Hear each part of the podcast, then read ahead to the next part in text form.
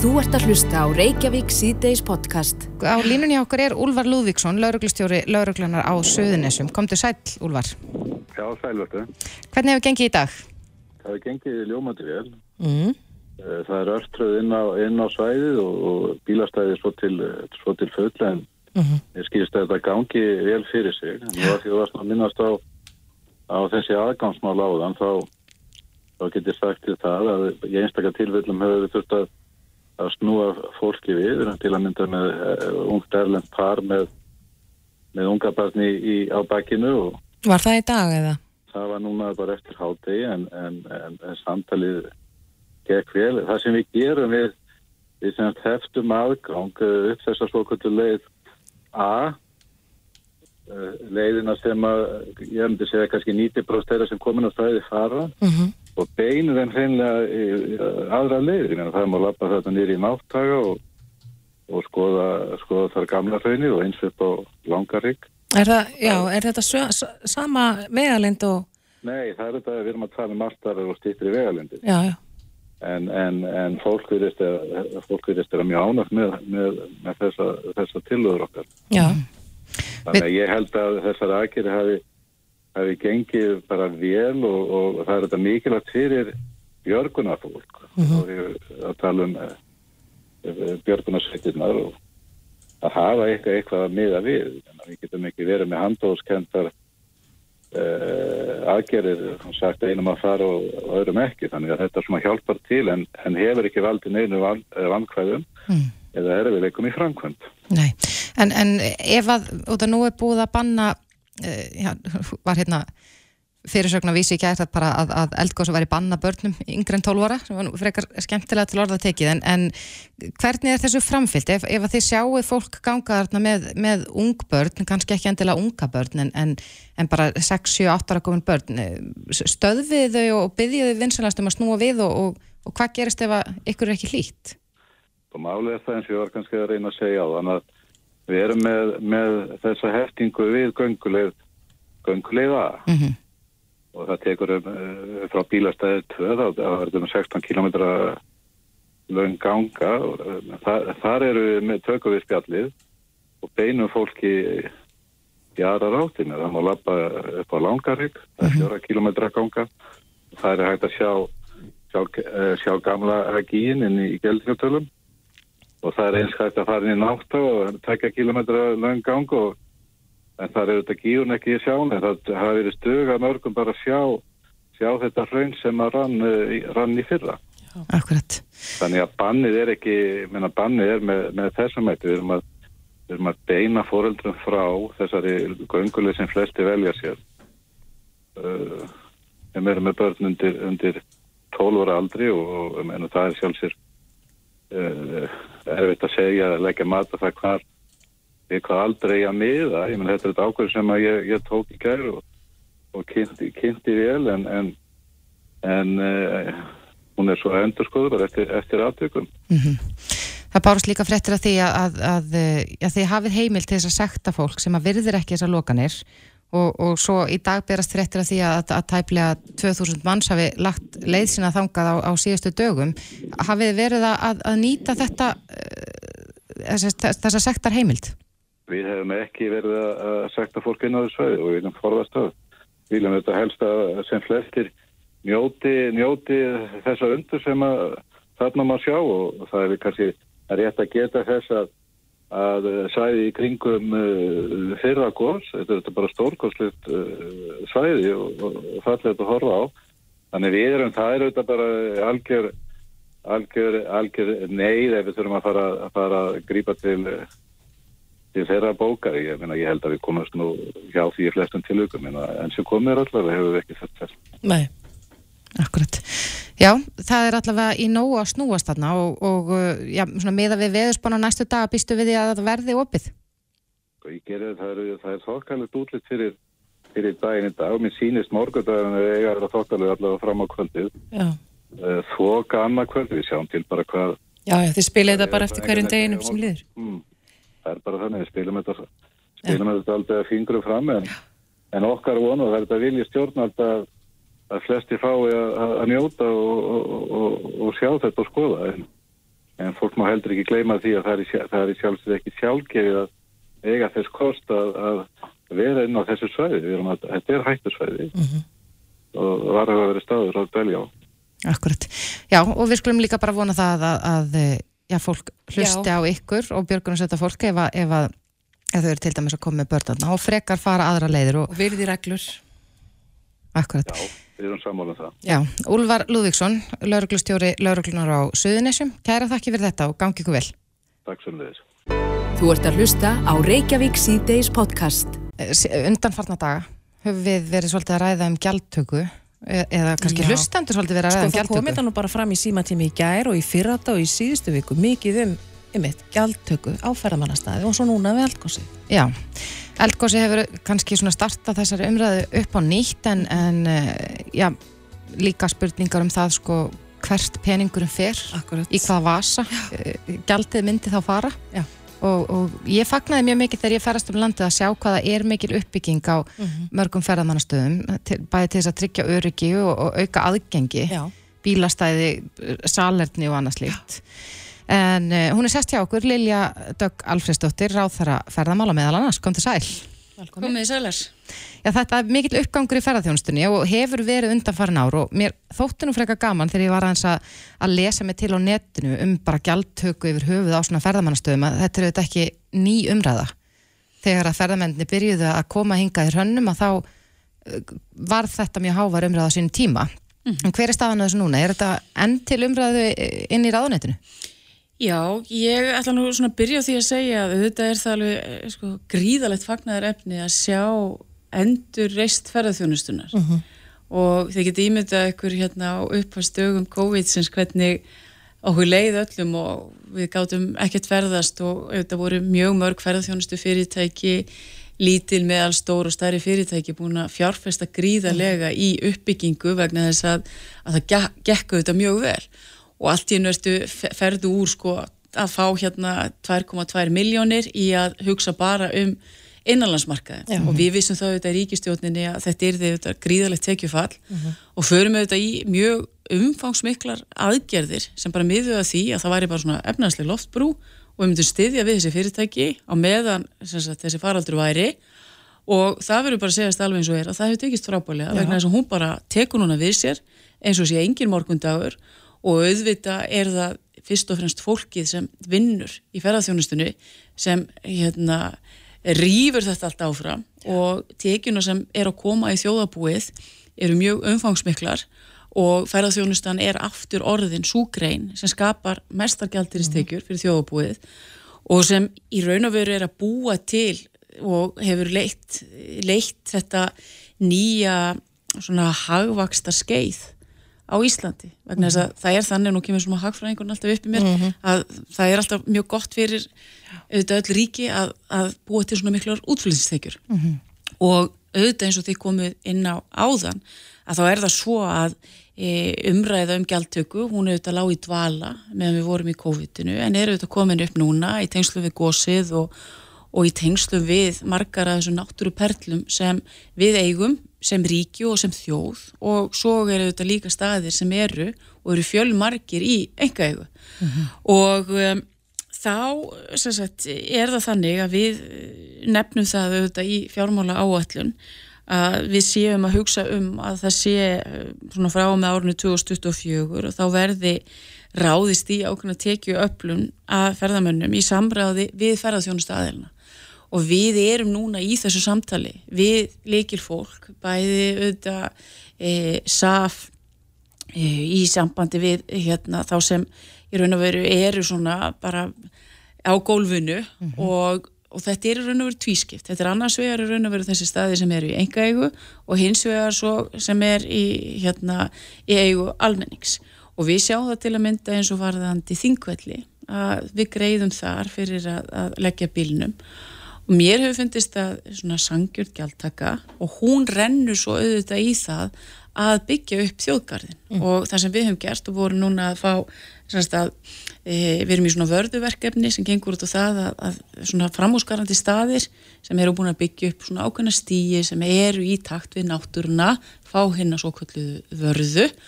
Og við höfum auðvitað verið að nýta þau fjármunni eða þjóðgarinn hefur verið að nýta þau fjármunni sem koma inn. Og ég til að það sé eðlilegt. E, það er auðvitað þannig að það er landegjöndur sem eiga ákveðin svæði og þeir geta verið með ákveðina gjaldtöku og við auðvitað sjáum að víðast hvar er það svo að það fer í uppbyggingu mm -hmm. og En þeir, þeir ber enga skildu til þess að nýta fjármununa í uppbyggingu?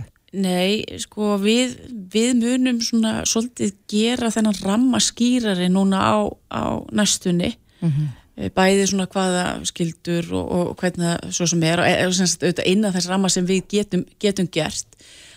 En mér finnst það vera þannig og auðvitað þegar við erum að ferðast erlendis að við, við þekkjum það vel að, að það er kannski, ég menna, ég nefnum bara sem dæmi eins og uh, dýragarðunni í Washington DC, sem ég fóð nú mjög oft í sko þegar maður bjóð þar.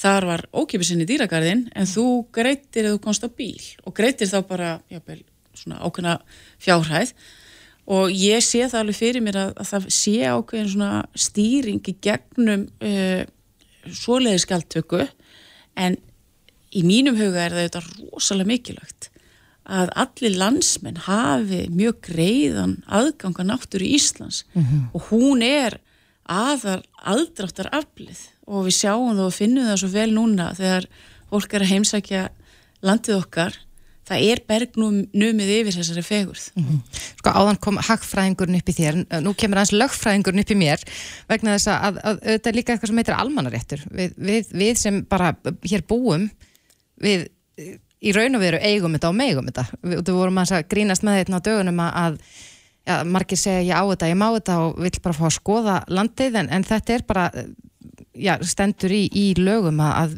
við eigum að meiga skoða náttúr Íslands og, og eru þá einhver takmörk sett fyrir því sko mætti, mættu til dæmis landegundirnir e, hjá eldgósunu þarna í meratölum og gældíkatölum mættu bara hennilega loka og bara nei þið megi ekki koma þetta inn Nú erst þú lögfræðingur og ég er hagfræðingur og líka ráð þeirra málaflóksins. E, ég, ég treysti mér nú ekki til þess að segja alveg af eða á, svo að það verður nú ekki að fara að herma það upp á mig að, að, að þeir, þeir megi þetta og ég segi nei, þeir svona... Akkurat. Já, en, en hérna, það er, það er sann sem áður þannig að það er hagur oft landeiganda ef þeir eru með svona náttúruperlu eða eitthvað svona hérna, náttúru, hérna, náttúru sem margir sækjast eftir mm -hmm að veita gott aðgengi. Eins og eru þetta verið að gera þarna og við sjáum að það er verið að setja, það er verið að bæta bara bílastæðin og ég verið líka að segja það og rósa þeim sem eru á svæðinu og það eru þetta verið að, að bregðast við þessu mikla áhuga en, en, en ég leggur þetta mikla áherslu á að það þarf að, að huga öllum örgis hérna atriðum og þetta bregðum hanni að sjá ferðamenn fara þarna með mjög ung börn sem kvartlar ekki að okkur að gera og, og þrátt fyrir viðvaranir og ég verði bara viðkjöna það, það eru vonbrið að sjá það mm -hmm. en ég tel og alla rannsóknir og allt sem við erum að skoða þessa dagana e, bendi til þess að, að Ísland haldi áfram og verði mjög eftirsóknarverst land. Og eitt af því sem mér hefur finnist alveg frábært að sjá og ég er þetta e, duglega að ferðast á landið okkar að bara þessi ríka baðmenning sem er að þróast, þessi mm. lón sem hefur verið að gera um allt land, þú getur núna að ferðast um allt Ísland í raun og veru bæði farið í svona náttúrulaugar og farið inn í, inn í þess, þessar lónin okkar og, og þessi áhersla líka á líðhelsu að, að tvinna Já. það saman við náttúruna og, og bara allt það sem er í bóði hér og við sjáum það líka að það er gríðalög fjöldi með þess að auki fjöldi ferðamanna frá bandaríkjunum að koma og það er svolítið takt við hérna að dollarin er sterkari og svona þannig að mm. það, er, það er margt sem vinnur með okkur uh, og, og þannig að ég, ég er mjög bjassinn fyrir hönd verðarþjónustunar mm -hmm. og stolt af því fólki sem vinnur þar vegna þess að þetta er alveg hörku duglitt fólk, það getur ímyndið okkar að vera í svona tveggjára dvala. Já. og svo er annað sem hefur að gerast líka sem er mjög ánægilegt að við sjáum og ég fórum mitt með henni í ríkistjórn í, í gær þá var ég með, með yfirliti við stöðu og hólfur í ferðarþjónustunni og við sjáum það að eh, nýtinga og gistingu er í hæðstu hæðum. Við sjáum að það eru gríðarlega aukning í hérna, greiðslu korta nótkunn sem eru þetta þá meiri tekjur sem koma inn og svo framvegis en það er annað sem er að gerast er að íslendingar eru í auknum mæli að Eh, heimsækja landi sitt sem var ekki fyrir COVID-ið. Þannig að það sem hefur gerst er að fólkið, Íslendingar eru að ferðast meira af því að þeir kynntust landinu sínu í COVID-inu. Þannig að það er 96% aukning á e, því að Íslendingar séu á hótelum hér e, fyrir COVID og eftir COVID. Og þess vegna er þessi nýting enn betri mér ég- mér varst þetta voru gott að sjá þetta En nú langar mig að spyrja það sem ferðamálafræðingur að því við erum að tala í þetta greina. Nú, nú, ég maður er bara því líka félagskafni mín Já, já, segðu, en sko ef það kemur til gjaldtöku Mhm. og þessi engaðali sem eiga land sem er á ferðamanna stað Mhm. ætti þá ekki allur peningurinn að fara í uppbyggingu til að já, bregðast við þólmörkum eins og í náttúrunni Ég meina, við, eh, þú veist, eitt af því sem ég tel að sé, eh, það kvíli mikil skilda á stjórnvöldum að skipulöki einmitt svæðin þarna að við séum ekki að ganga á náttúru Íslands út af umferð. Og það er auðvitað það sem við erum að taka út í. ég meina, það er, það er tvent sem við erum að gera. Það er annars vegar auðvitað öryggismálin. Og ég bara bara viðkynni það að, að það kemur auðvitað alltaf mjög mikið bara við okkur og viðmann að þegar ferðamenn láta lífi hér að það er auðvitað mjög sorglegt vægasagt og við sáum auðvitað eins og aðstæður í reynisfjöru en við erum að bæta það. Þannig annars vegar þá öryggismálin og við höfum tekið út á staði sem eru bara hættulegir. Og í Íslands náttúra það þarf að við erum að gæta okkar þar.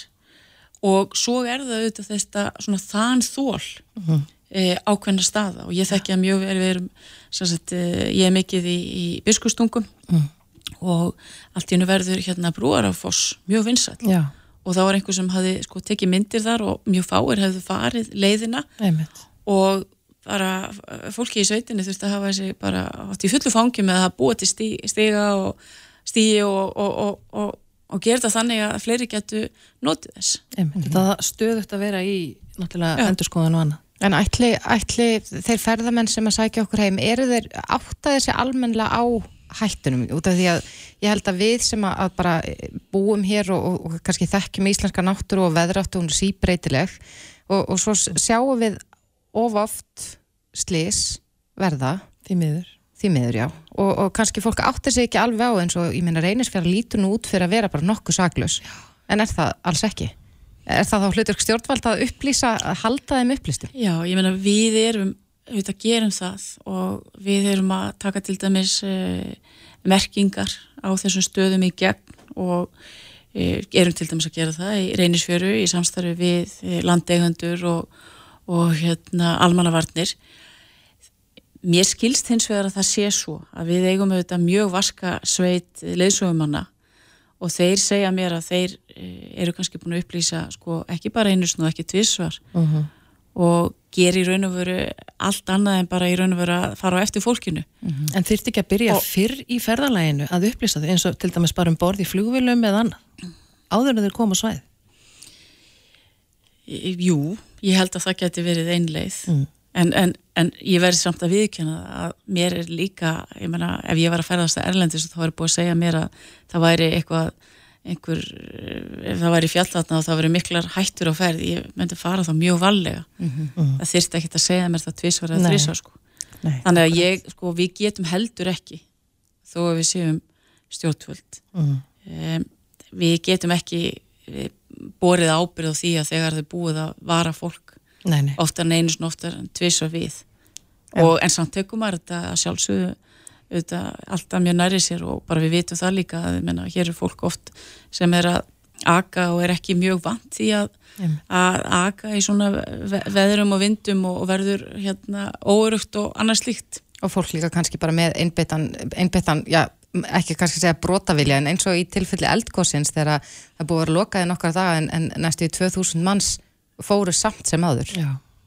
Þa, það, það er ekki hægt að leiða hvern og einn. Já, já, ég kannast auðvitað við þetta heima fyrir þar sem hefur verið að byggjum að fá að fara upp á gósinu og börn að byggjum það og, og maður segir neini, það er veðrið er nú ekki gott núna og svo, svo er þetta bara bent á sjónvarpi, það er allir að fara. Já, en, en sem betur fyrir er, er það nú svo að við heimafólkið auðvitað hlustum á og berum auðvitað ómælda virðingu fyrir okkar e, björgunarsveita fólki og, og við viljum auðvitað ekki að þau séu að leggja á sig einhverja aukna áhættu Nei. En serðu fyrir þeir að gæti gengið upp eða er þið gjaldtaka þarna við þetta svæði?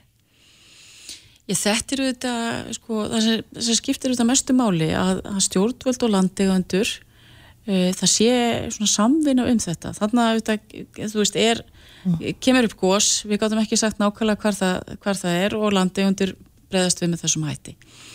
Um, ég myndi vilja sjá auki samráð við landegandur og hvernig við svona förum í þetta. Og ég held að það blasi alveg við að, að við séum að horfa á e, einhverja gjaldtöku en ég legg sko, höfuð áherslu á það að þeir sem, sem búa hér að þeir geti ferðast um landið sitt án þess að, að, hérna, að því að við erum auðvitað að greiða mjög mikið í sammeila sjóði og innvið uppbygging og annars líkt og, og við höfum verið að skoða leiðir hvernig er einhvern veginn hægt að gera það þannig á þess að vera með einhverja mismunun á euróska efnahæðsvæðinu en ég ætla nú ekki að að fara að segja það, hérna þessar hugmyndir í beitni útsendingu svo ég sé nú alveg, en, en þetta er það sem við erum að skoða. Og ég, og ég, ég tel bara að sé líka svona, við viljum bjóða upp á, á svona, hvað getur ég segja, svona já, bara svona framúsgarandi aðstæður á þessum stöðum. Og ég, ég sé það líka fyrir mér að við séum að, að fá meira sko, hönnuði og arkitekta að því að hann er þessar staði að því að, að náttúrun er svo stórbrotin og við, við verum að vera að skoða svolítið hvað normin hafa verið að gera uh, og þeir hafa verið að, að setja það bara markvist að þeir hafa verið að búa til þessar staði að þeirra bestu hönnur komið að því. Já, og þannig að líka ver... falli svolítið inn í náttúrum maður hefur séð það, það í auknum mæli. Já, og að mínum að þetta þarf það að vera þannig að, að við eigum að e, auðvitað bregðast að að hérna vafans í því þegar við erum að búið þetta til að því að við, við viljum sjá hana en ekki einhverja einhverja, einhverja innvið nei, einhverja innvið uppbyggingu sem passar ekki. Nei. Já, Lilja Alfredsdóttir ráð þara ferðamála. Kæra þakki fyrir komuna. Takk sem ég leðis Þetta er Reykjavík C-Days podcast. Við rákumst á ansi áhugaverða frétt hérna á, á Ríkisúttorpinu mm -hmm. og þar segir að, að að foreldrar eru einhverjir að, að óska eftir og auglýsa lif, livsæðilskild svepli fyrir börn á samfélagsmiðlum. Um, Það sem aðgengið er erfitt eða verra að þessum lifi Já, sko það er sveplif sem heitir Vallergan uh, sem að hefur oft verið ávísað á börn og, og það hefur verið ófáanlegt á Íslandi í rúmt ár. Og, uh, og svo e, eru foreldrar kannski að reyna að, að verða sér út um undan þá lifi sem að heiti Þeralen. Mm -hmm. en, en svo er líka kannski margir sem að veltaði fyrir sig hvers vegna mörg börn er á sveplifum það hefur, kemur fram hérna í fréttinin á Ríkisútarpinu að, að sveplifja nótkun barna hefur aukist á undanfjörðum árum. Uh, við erum með á línunni barnalækni og sérfræðing í nýrnalækningum barna hann Viðar Örn Edvarsson kom til sæl Viðar. Já, góðan daginn Já, þetta eru, ég held að, að svona fyrir almenninga að, að sjá það eða lesa fréttir af því að fóröldra séu auglýsa á samfélagsmiðlum eftir eh, livsæðskildum sveplifjum handa börnum að þetta svona rekum hann aðeins í róastans uh, hefur verið aukning á, á sveplifjónutkum barna á undanfjörðum árum? Já, ég er svo sem ekki sinninar tölur þar að lútandi en það er hægt að fá hjá landlækningssambættinu og mér skilst að sé nú verið að gera út þetta á því þessa dagana til að fá nákvæmar tölur mm -hmm. en það er rétt að gera sér grein fyrir því á hverjum tíma þá er þá nokkur fjöldi barna sem er með ímis helsufarsvandamál og svarnraskanir sem að eru af lífræðilegum tóð og þurfa á sefliðum að halda. Mm. Það gildir auðvitað um mikið minni hluta. Já, það er ekki algengt alltaf þessi. Nei, kannski ekki svo, en það er samt þó nokkuð algengt að börn eru með einhverslega sefraskanir en kannski ekki að þau þurfi þessi lið. En það sem er bagalegt í þessu sko að, að fyrsta lagi að þessi liv allt í hennu fáist ekki það er stórstu vandamál. Og í öðru lagi að sama samheitaliði sé að koma í mörgum misunandi útgáfum mm -hmm. og styrkleikum. Og það, það býður hættinu heim. Þannig að kannski ef einhver gaf 1 millilítra eða halva millilítra lifinu áður þarf alltaf að gefa miklu miklu minna. Já. þetta náttúrulega getur aldrei hættulegum rugglingi það er hættulegt Hver eru enginnin ef, ef að börn fá of stóran skamt af, af slíkum lifum?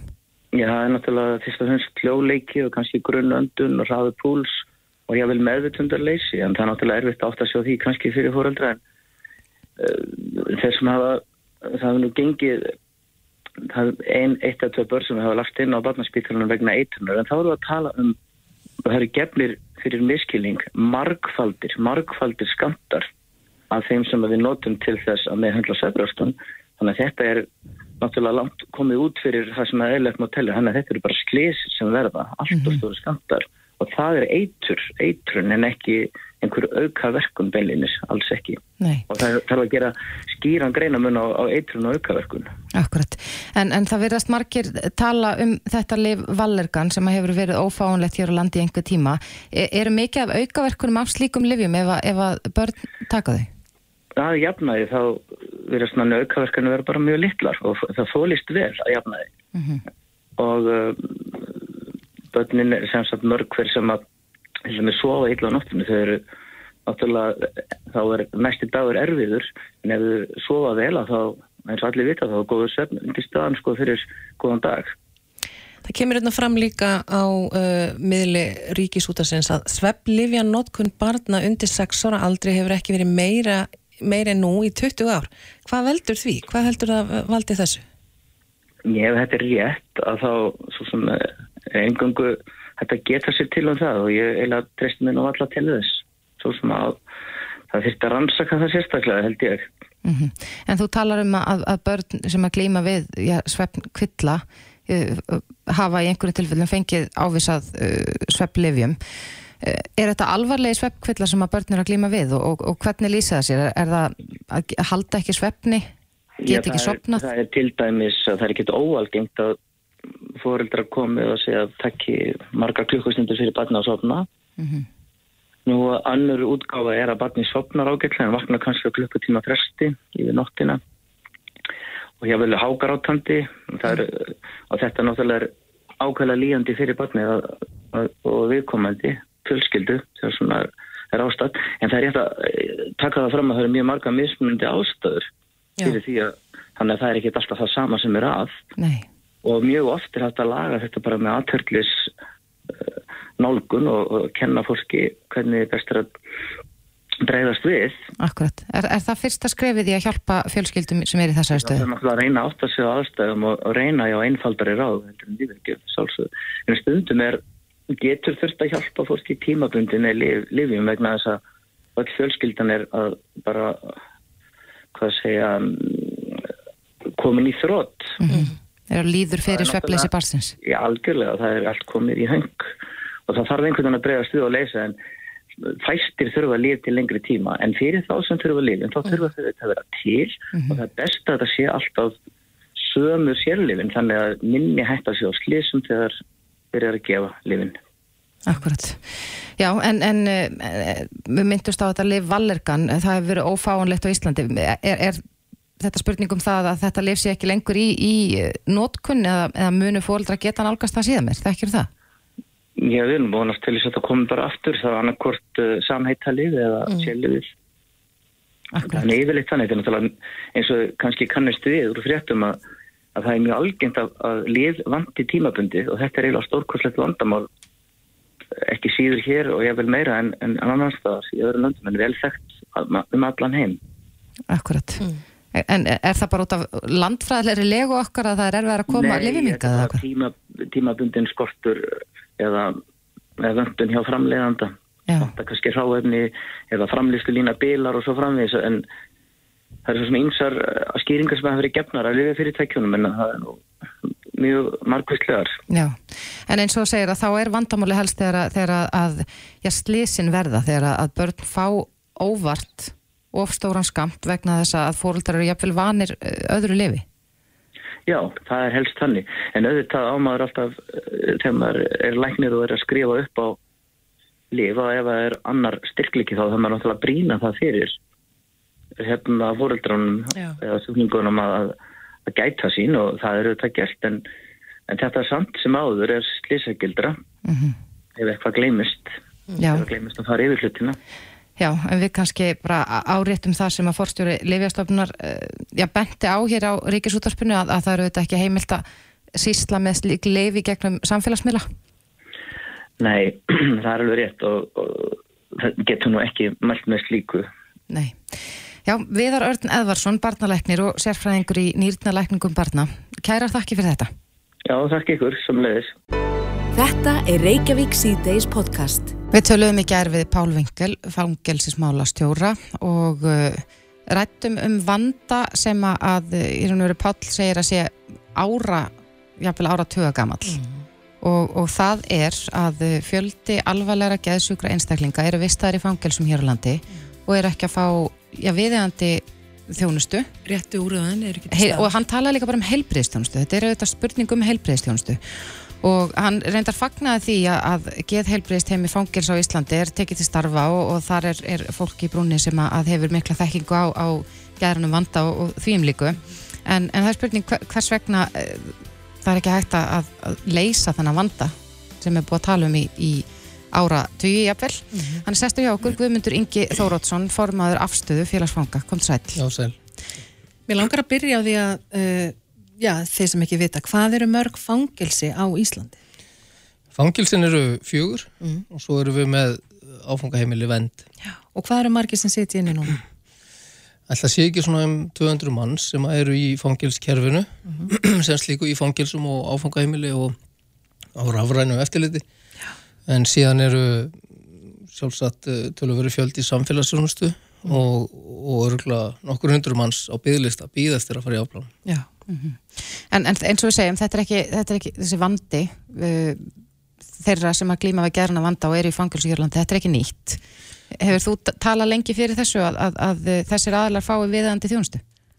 Já, þetta er uh, mjög gamall vandi og hefur, hefur verið svona, kannski verið að koma meira upp á yfirborðið síðustu árin og síðast áratugin. Mm Afstæða hefur náttúrulega verið leiðandi svolítið í baráttunni með þessi, þessi mál og, og að, að, hérna, að fá einhverju breytt.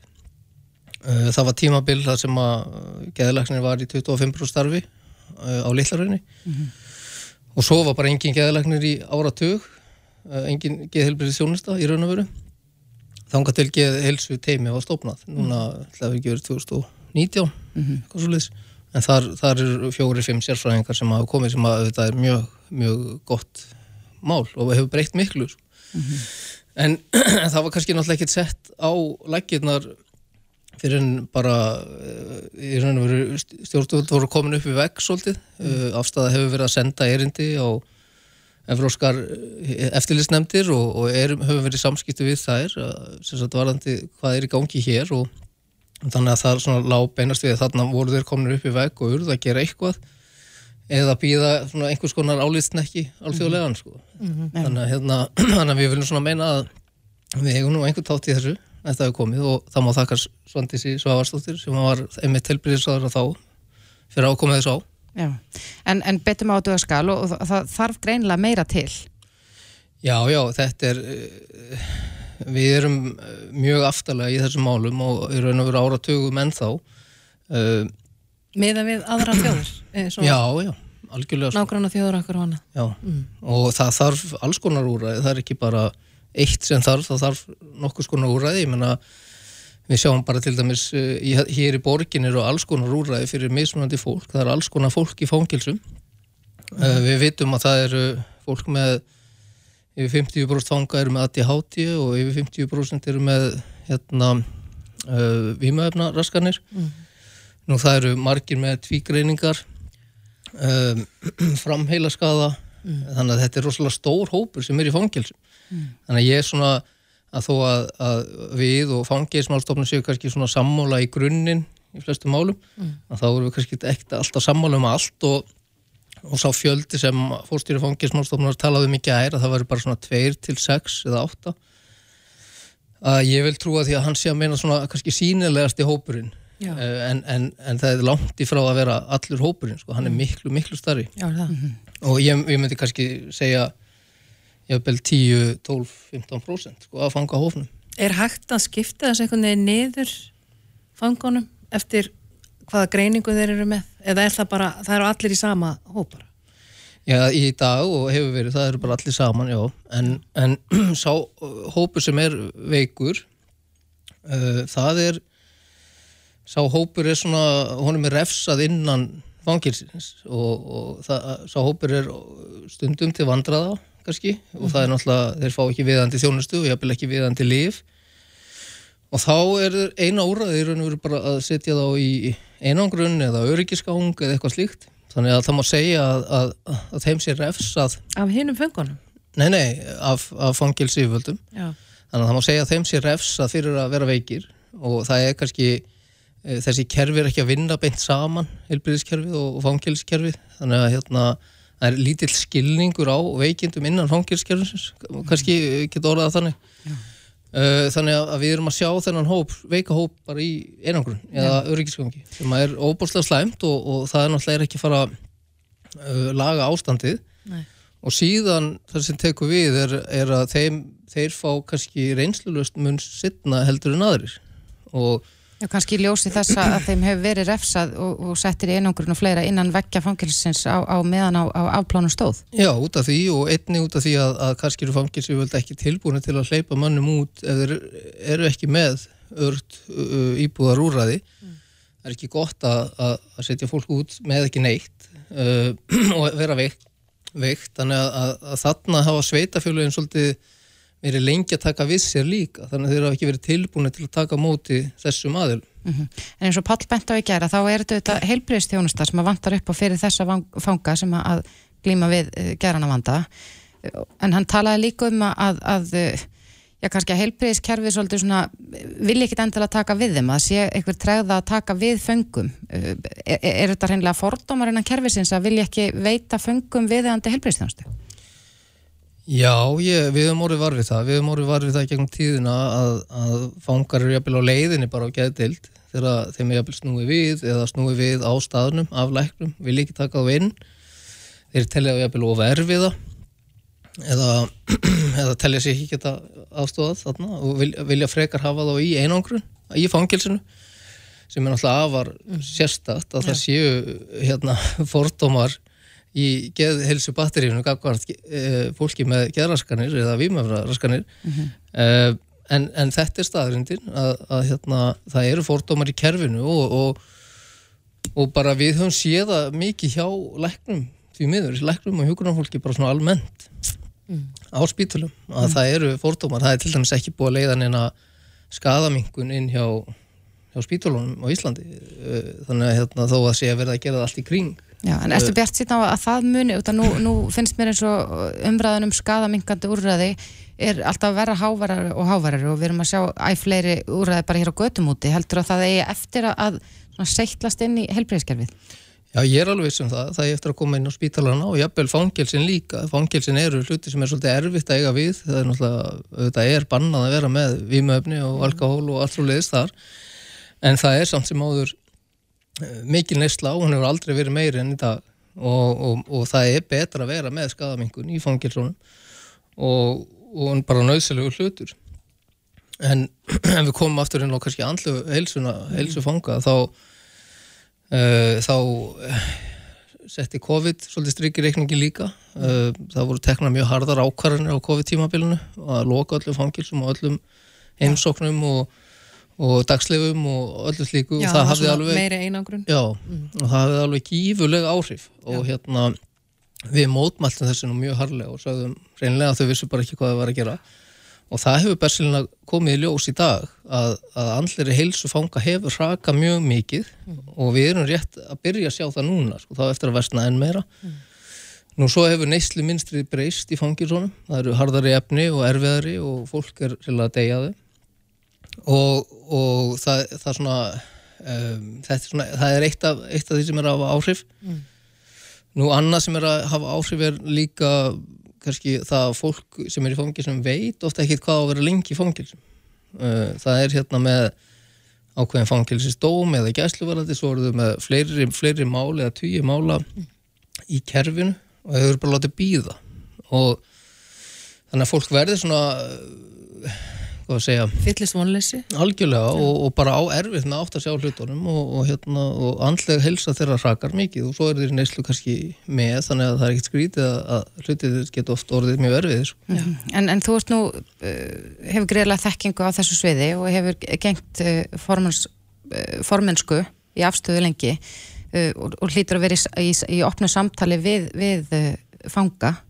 Um, ég veit að það er ekki hægt að koma með einhverja töfra lausna þessu en, en hins vegar hver væri besta leiðin til þess að leysa þennan vanda? Er það þú talar um áðan að það hefur verið geðleknir í 25% starfi þarf bara meiri geðhelbriðst þjónustu innan, inn í fangelsin? Já, já, við höfum alltaf barist fyrir, barist fyrir því að, að, að þessi þjónusta verði aukin og hún þarf að aukana enn frekar. En fyrst og fremst þarf uh, fangavist að hafa innihald. Það þarf að vinna með fólkinn sem er þar. Uppbyggjandi starf. Uppbyggjandi starf. Og það segir sér sjálf að þegar einhver dæmdur í fangilsi að þá er eitthvað að mm. og það þarf að nýta þann tíma sem að ríkið hefur til að, að, hérna, að endurhæfa mm. og, og, og finna út hvað, hvað hægt er að gera menn flesti sem eru inni þeir vilja verða eitthvað þegar þeir verða stórir mm. og hætta neyslu Þetta ávíu að vera betur en að vist, ekki satt?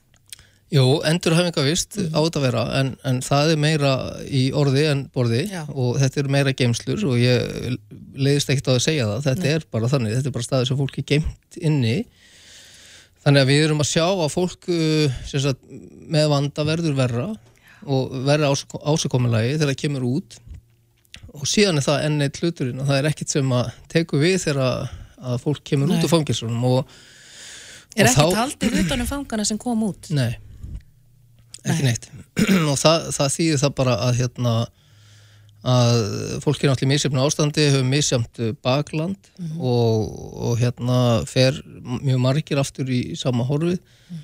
nú margir fara bara beint úr fangilsi í jöfnvel neyðaskíli Reykjavíkuborgar heimilslust mm -hmm.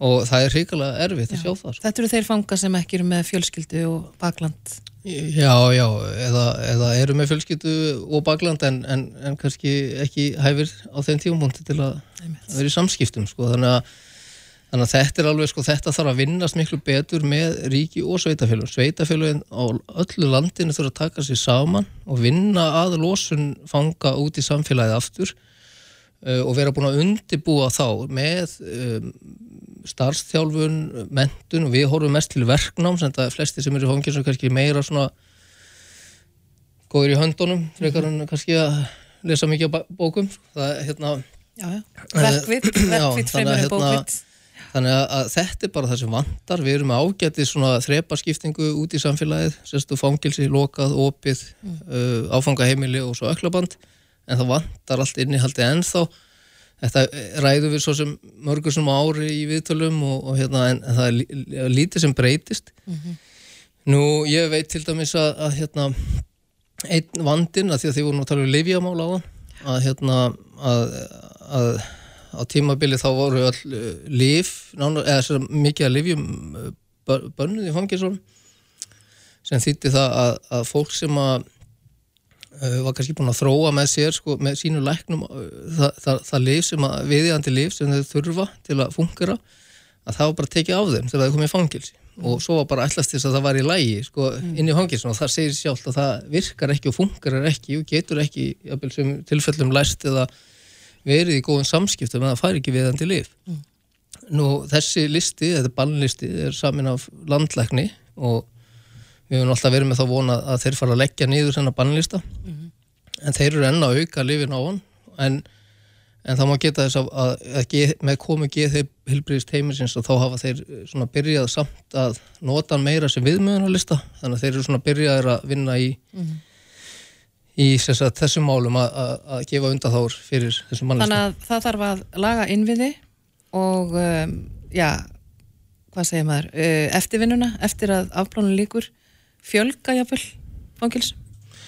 Já, ég menna það þarf alltaf að vera staður sem að svona veikir einstaklingar eh, Já. geta verið á, fengið bata og, og, og hjálp þá sem þeir þurfa sem þeir þurfa jafnvel um bönnun líka ég menna við erum að geta jafnvel verið mjög fullotnir einstaklingar sem að, sem að geta ekki, eru ósjálfberga í raun og veru, geta hvort geldaði þau af sér Já.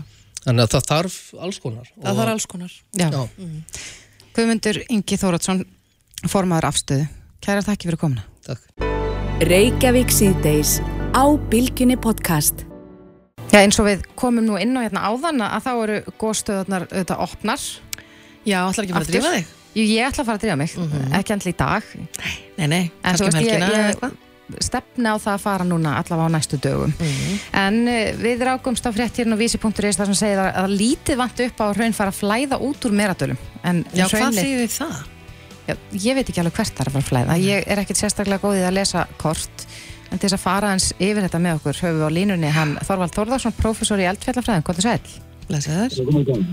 Já, þú ert með, ert að bara horfa á gósi í þessum tölu orðum, ekki satt? Jú, jú, ég er með þetta hérna beint fyrir frá mig. Já, en, en hvað þýðir þetta? Vantir lítið upp á að hraunin fara að flæða út úr meratölum? Hvert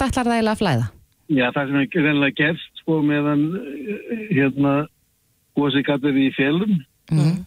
nást ekki til þess að, að það hérna hefur hækka verulega hérna gísvæði og, og fröndpollur þar fyrir saman og eins er það núna bara í dag þannig að hlaðið upp ansi myndalegum gígrima að hérna austanverðinni og, og uh, það er þess að virkni líka dreigir sér saman á svona eiginlega mestur leiti á miðhluta sprunguna sem að virk Mhm. það eru tölverið kvikustrókar og uh, það er eins og hérna uh, samfara þessu þá hefur fönglæði aukist verulega í meðatölum Já, Það stendur hérna, er þetta að fara yfir, mjög líklega yfir göngulegði sem liggja hérna út með hlýðin Faradalsfjalls? það er nú ennþá eitthvað í það sko, gönguleið eða, eða axtursleið, það er nú tölverið spotið það ennþá sko en uh, það er komið þess að að austast í meðatölum að þá hefur jaðarinn hann hefur rutt hraunir sem fyrir var brotið var upp og ítti upp tölverið vegalend upp líðina Mhm. þannig að, að múarnir sem að, að hann hefur ítt á undan sér þeir eru eiginlega bara tveimur metru fyrir neðan hafti Já, já. og uh, síðan lækkar hraunni aðeins þar fyrir aftan og svo kemur mjög hár hraun jaðar þar fyrir innan sem er appalhrauns jaðar og, og hann er verulega virkur þannig að, að uh, þetta er svona tölur breytt staða frá því sem var á sunnudag þegar ég sá síðast í góðsins Mhm. og það hraunsist þarna austast í meðaldalum já, og þá var það svona fimm ennþá 5-6 metra fyrir neðan hafti sko og hraunjaðarinn hann var svona 75 metra frá frá hlýðinni sko Núna já. er það komið upp undir hlýðina þannig að en akkur, já, en, en Þorvaldur, hvað, sko, þegar, við bara sem leikmenn hérna til bæ lesum fréttur um að, að, að hraunin sé að flæða út úr eh, dölunum að, að, að þá veltir maður þetta fyrir sér í hvaða átt þetta fer og, og eru innviðir í hættu til dæmis ef að, að, að eh, hraunið fer þarna yfir? á endanum verða það þannig að það er sko sem heldur áfram sko en ef það fer yfir þetta haft að þá þarf það að fer það nýtt í annað dalverku og það þarf að vinna sig í gegnum það. Mm uh, og ef það kemst út til því að þá er sko í raun og veru bara hallandi landalur niður á strönd. Já, Já, það er- er ekkert sem myndi sko tefja fyrir flæðinu þegar það er komið þar fram fyrir.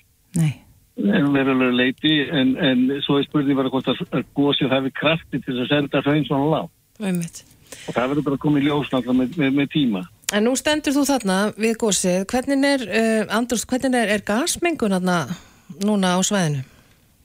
Já, hún er alltaf til staðar Mm. og það er stöðu gasleimi upp úr gígunum sem, sem koma upp með kvikustrókunum því að það sem keirir þessa kvikustrókavirkni það eru gasblöður sem að mynda fyrir útleysingu kvikugasa Mhm. aðeins uh, hérna á nokkru dýpi í gósrásinni og svo rýsa þessar hérna bólur upp og það stækka og síðan springar og þá hérna eru þau með kvikustrókavirknina í, í gangi sko Já, og hérna uh, og þetta myndar og við heldur kvikustrókunum það er þetta uppstremi gassins mm er logn þarna núna eða? Nei, það Nei. er smá gula það það er fínast að veður sko það kom smá skúr hérna á hann það er Já. fínast að veður annars Mhm. og uh, það er kannski svona það nýjast og tíðast að maður að fréttast af þessu núna er það að kvikustrókarnir eru orðin tölvöld herri þetta þeir hafa verið þannig í, á miðhluta sprungun já, þannig að það þýðir kannski örlítið meira sjónarspil fyrir þá sem að, leggja leysinu þángað. Já, já, tímalust og það er náttúrulega miklu meira gaman að sjá mikið þenglega kvikustróka þetta er með einhverja svona smá sprautir upp í loftið. Já, eru, mar, eru margir þarna núna?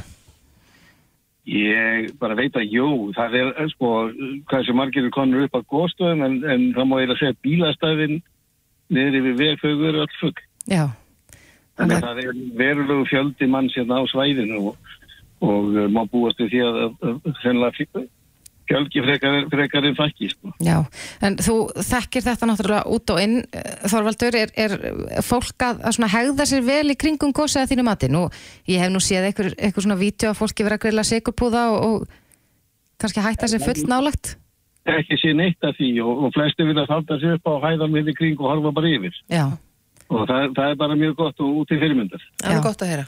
þannig að við erum kannski aðeins að læra að umgangast eldgósi, við erum í svona tökku tvö vonandi. Já, já, það er og, og, og hérna það kannski tekur, tíma að koma að skila bóðunum til fólksins og, og, og annað þannig að allir, allir aftur sjá hvað er í gangi. Það sem er kannski, veist, það eru kvikugöðs að koma hérna upp og brennisteytin hann, hann rýsi upp í góðsmekki sem leggt til austurs mm. en svo er náttúrulega kóltsýsingu líka í þessu hérna ga gastróki og það er þingri en andrúrslóti og það getur lagst niður í lægðu þannig að það er ekki, ég mæla þetta ekki með því að fólk sé í lægðum. Nei. Já, það verður, uh, svo vísa verður ekki ofaft kveðin. En Þorvaldur Þórðarsson, professor í eldfjallafræði, við segjum bara kæra þakki fyrir þetta og heyrumst aftur síðar. Já, bara takk fyrir mig, já, best, best. Bless. Hlustaðu hvena sem er á Reykjavík C-Days podcast. Núna eru tíu dagar í uh, já, menninganótt og það þýðir að það eru tíu dagar líka í Reykjavík marathoni sem hefur nú verið svona stærsti hlaupa viðburður hér á Íslandi í áraraðir. Já, er það ekki bara? Jú, en það. kannski ekki síðustu ár. Það hefur, var smá þarna Bakslag. bakslag í, í mínus, tvö viðburðarhöldum. ár, já. Það, það voru hérna ekkert gert. Þá sváum við bara. Já, en uh, ég sé bara kringum mig, það eru rosalega margir sem ég þekki að, að uh, ég sapna fyrir góð málefni og það er náttúrulega hluti af Reykjavík marathoni, það er hlaupastyrkurinn og margir sem ætla að hlaupa 10, 20 og 1 kilometr eða jafnvel einhverjum sem ætla að hlaupa marathon. Og svo eru sumir sem taka bara skemmti skokki með bönni. Já, akkurat. Það er allt hægt. Já, en tíu dagar í þetta, það er spurning hvernig skráning gengur og hvort þetta verði stærsta Reykjavík marathon hinga til, en hún er sest hjá okkur, Silja Úlfarsdóttir, upplýsingafulltrúi IBR, kom til sæl. Já, sælar.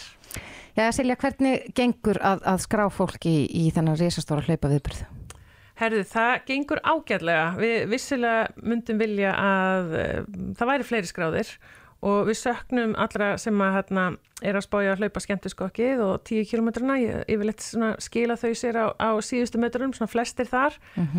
En já, við erum aðeins eftir á í skráningum, en við, hérna, við vitum alveg að þetta verður ekki metar. Nei. En hérna, þetta verður samt mjög stort og flott hlaup. Og En við- hvað hva heldur að valdi því? Er þetta bara hvernig tíðin er búin að vera, veðrið? Ég, sko, ég hef svona aðeins verið að fylgjast með bara öðrum hlaupaviðburum og, og mm. hjólaviðburum líka og það, það virðist þurfa svona allavega í sumhlaup svona þurfa meira að koma fólki bara uh, í viðburuna. Mm. Svona í gýrin. Já, eða þú veist, ég, ég veit ekki hvað það er við spáum náttúrulega ekki búin að vera góð og Nei. eitthvað svona en ég, nei, nei, en sko góðu fréttnar eru þó að það, við erum búin að sapna núna 38 miljónir og það eru tíu dagar í hlaup. Þegar við settum metið og söfnum 167 miljónir árið 2019 þá vorum við búin að sapna 45 miljónir þannig að við erum, við erum bara 7 miljónum eftir áhullum frá met ári. Þannig að við erum alveg hrikalega spenntið við því og svona, við hefum þrís og sinnum sapnað meir en 100 miljónir og okkur virkilega langar að- þetta verði fjórða sinn. Og það er nú tíu dagar í þetta en þannig að það er allt sem getur gerst. Já, já, já, já, og við erum alveg fulla af bjarsinni með bara að þetta verði frábær, hérna, frábær hlaup og allt það. Og við erum með svona nokkra breytingar sem verður kannski bara svona aðeins gaman að fara yfir. En hérna við breytum aðeins skemmtiskokkinu, þetta hefur alltaf verið 3 km og svo við með svona 600 metra krakkalaup en við ákvæmum að taka þetta bara saman í eitt, okkur finnst það bara fjölskyldu en það er samt svona, við getum orðað þannig að fyrir svona minni og þreytari fætur þá er hægt að stýtta sér leið á leiðinni. Mm. þannig að hérna, það geta allir farið saman. Og, og við erum með fróðudisko, alveg umhverjusvæn fróða, ég alveg get lofa því, þetta verður nefnilega á brunni Já. í tjötnina nei, nei, og við erum með einhverja loftfimleika og, og, og stultukalla og alls konar, þetta verður mikil upplifun, þannig að við erum svona hérna, við erum svolítið spenta að breyta einn skemmtuskokkinu í ár Já, en þetta hefur auðvitað verið, já, ég man að við töluðum við því einnig fyrra, þú veist, við heldum í fyrra að Já. við gætum haldið hlaup Já. og, og það voru margir búin að skrási, margir mjög spenntir og byrjar að sapna og allt og svo þetta kom þessi skellur. Heldur að fólk sé ennþá kannski bara svolítið brent af því, bara hrætt við að skrá sig ef skekinni að, að bara allt í einu myndi Þórólur mæta á, á hérna, sjónvarskjáin okkar og bara lokallu Sko, ég væri bara ekkert hissa því að fólk ætlaði bara að skrá sig svona undir það síðasta. Mm. Kæmum við bara ekkert óvart og hérna, þannig að, já, ætli það sé ekki bara málið, en ég held nú, að- ég, ég bara, við erum að fara að halda þetta hlaup, sko, við erum bara að plana þetta hlaup í þrjú ár, við erum orðin svo hlaupa Reykjavík og Marathon þist upp á skrifstofu og hérna, og við getum ekki beðið. Nei, en hver, hversu margir, uh, út að nú var mjög algengt og ég veit að það er líka algengt hjá Íslandingum að fara erlendis og hlaupa í Berlína marathóninu eða, eða hvar sem er New York marathónu. Er mikið af erlendum hlaupurum að koma og taka þátt? Já, það er alveg svolítið erlendum, þú veist, bara alveg meira kannski en maður bjóst við svona strax eftir COVID. Og hérna finnst svolítið gaman að, þú veist, eins og í marathonu þá eru hátt í þú, þúsund mann skráðir bara í marathon vegalengdinni og þar eru eitthvað 600-700 erlendir hlauparar. Já, meiri hluti þeirra sem ætla að hlaupa heilt marathón eru þá erlendi kefnir. Já, alveg mikill meiri hluti, mikill meiri hluti og, og, og líka svolítið velmætt í, í hálfmarathonið. En fyrir þá sem er að hlusta og hafa ekki hlaupið Já. áður og vita lítið um þetta en eru ákveða núna, hvernig, hvað er þetta langt, þetta marathón og hálfmarathónið? Já, er sko, ef, þau- ætla að fara að byrja að hlaupa núna, þá vil ég ekki að þau hlaupi marathón. Það er 42 kílómetrar og hálfmarathón kannski ef að þú hérna, hefur svolítið reynslu. En, Gæti verið ykkur uh, sem er að æfa fimmleika eða eitthvað sem hefur ákveðið þrek og já, þú veist, þá er alveg bara ekki spurning að skrá sér allan í 10 kílómetra og, og þú veist, hálfmarathón að þau treysta sér í. já, og hvað er það 20 og Það er 21,1. 21? Ok, En, en sko, ég, ég er búin að skrá mig í uh, hálft marathón. Já, sko, Já. Ég, ég, sko, ég fæ sko, ég fæ alveg svona ónota tilfinningi mann, ég hef aldrei gert það áður, að hlaupi svona langa veðalengt. Nei, og næsta ári, þú sagði mig það á hann, þá ætlar að hlaupa marathón. Aldrei. Ég held að ég hafi sagt það fyrir nokkur árum, ég ætla aldrei að hlaupa marathón, ég hef enga þörf fyrir það. En hins vegar að þá, þá finn ég það svona á fólkinn kringum mig sem er svona svolítið eitthvað að dúla sig við að hlaupa Mhm. að maður veit ekkert alveg hvernig maður á að hegða sér núna svona tíu daga fram að hlaupi.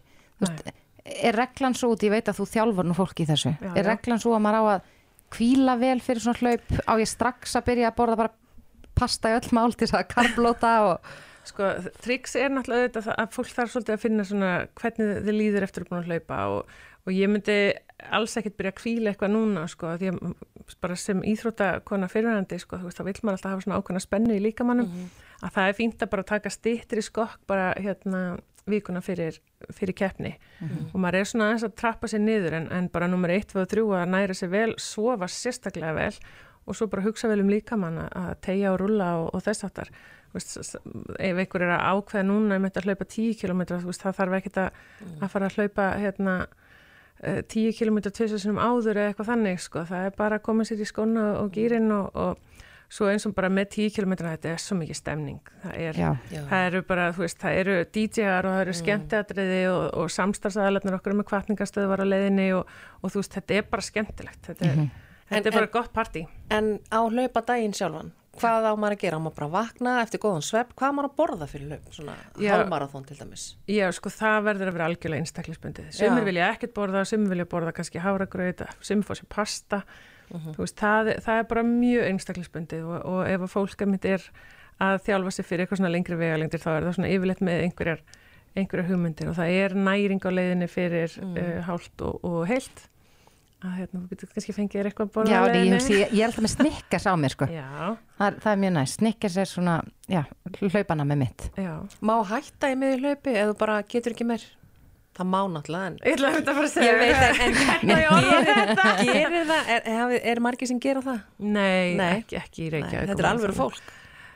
Það er allir alvöru fólk, sko. Það er skemmtilega við það. Já. Æðislegt. En það er eitthvað, sko, þú segir að, að eins og í tíu kilómetrar, þetta er með svona rosalega mikil stemning Já. að, að ég held að fólk hætti ekki, jafnvel þó að þú hefur bara nást aldrei farið út að hlaupa þér og skellið þér í tíu kilómetrana, það er bara svo gaman á leiðinni. Mikið það Ég- kemur þér í mark. Ég, sko, svo bara lappar fólk, að það getur ekki hlaupið, þá bara lappar það. En, en það sem er samt líka bara svo dásanlegt að það er, sko, eh, svona áhugavert, en það eru, hérna, góðgera félagum hefur fjölgað alveg rosalega. Það er, sko, frá því 2019 hafa 100 góðgera félagum nánast bæst við síðan þá sem eru að, hérna, sapna styrkjum og þess að það, þú veist, þörfin er mikil. Og fólk er að mjög margir að skrá sig til að hlaupa, til að sapna og hlaupa með hjartanu og ef fólk byrjar á svona verkefni þá yfirleitt hættir það ekki sko. Akkurat, og klára þitt verkefni Þetta skiptir líka svo gríðarlega miklu máli fyrir góðgerafjölun. Þau hafa mörg hver Já. já, tjáð sér svona hérna eftir, eh, svona, í COVID var, var mikið um það að þetta var einn helsta fjáröflun Já. hjá mörgum félögum.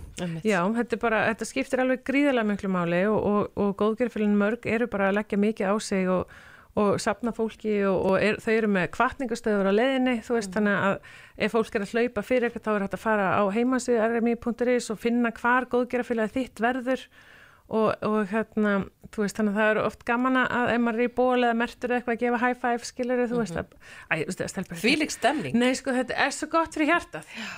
Það er bara þannig. Þetta er svo gott fyrir hjartað og það er bara svo gaman að gefa af sér og ekki nóg með það. Það er bara sjúklega gaman að bæta sig líka.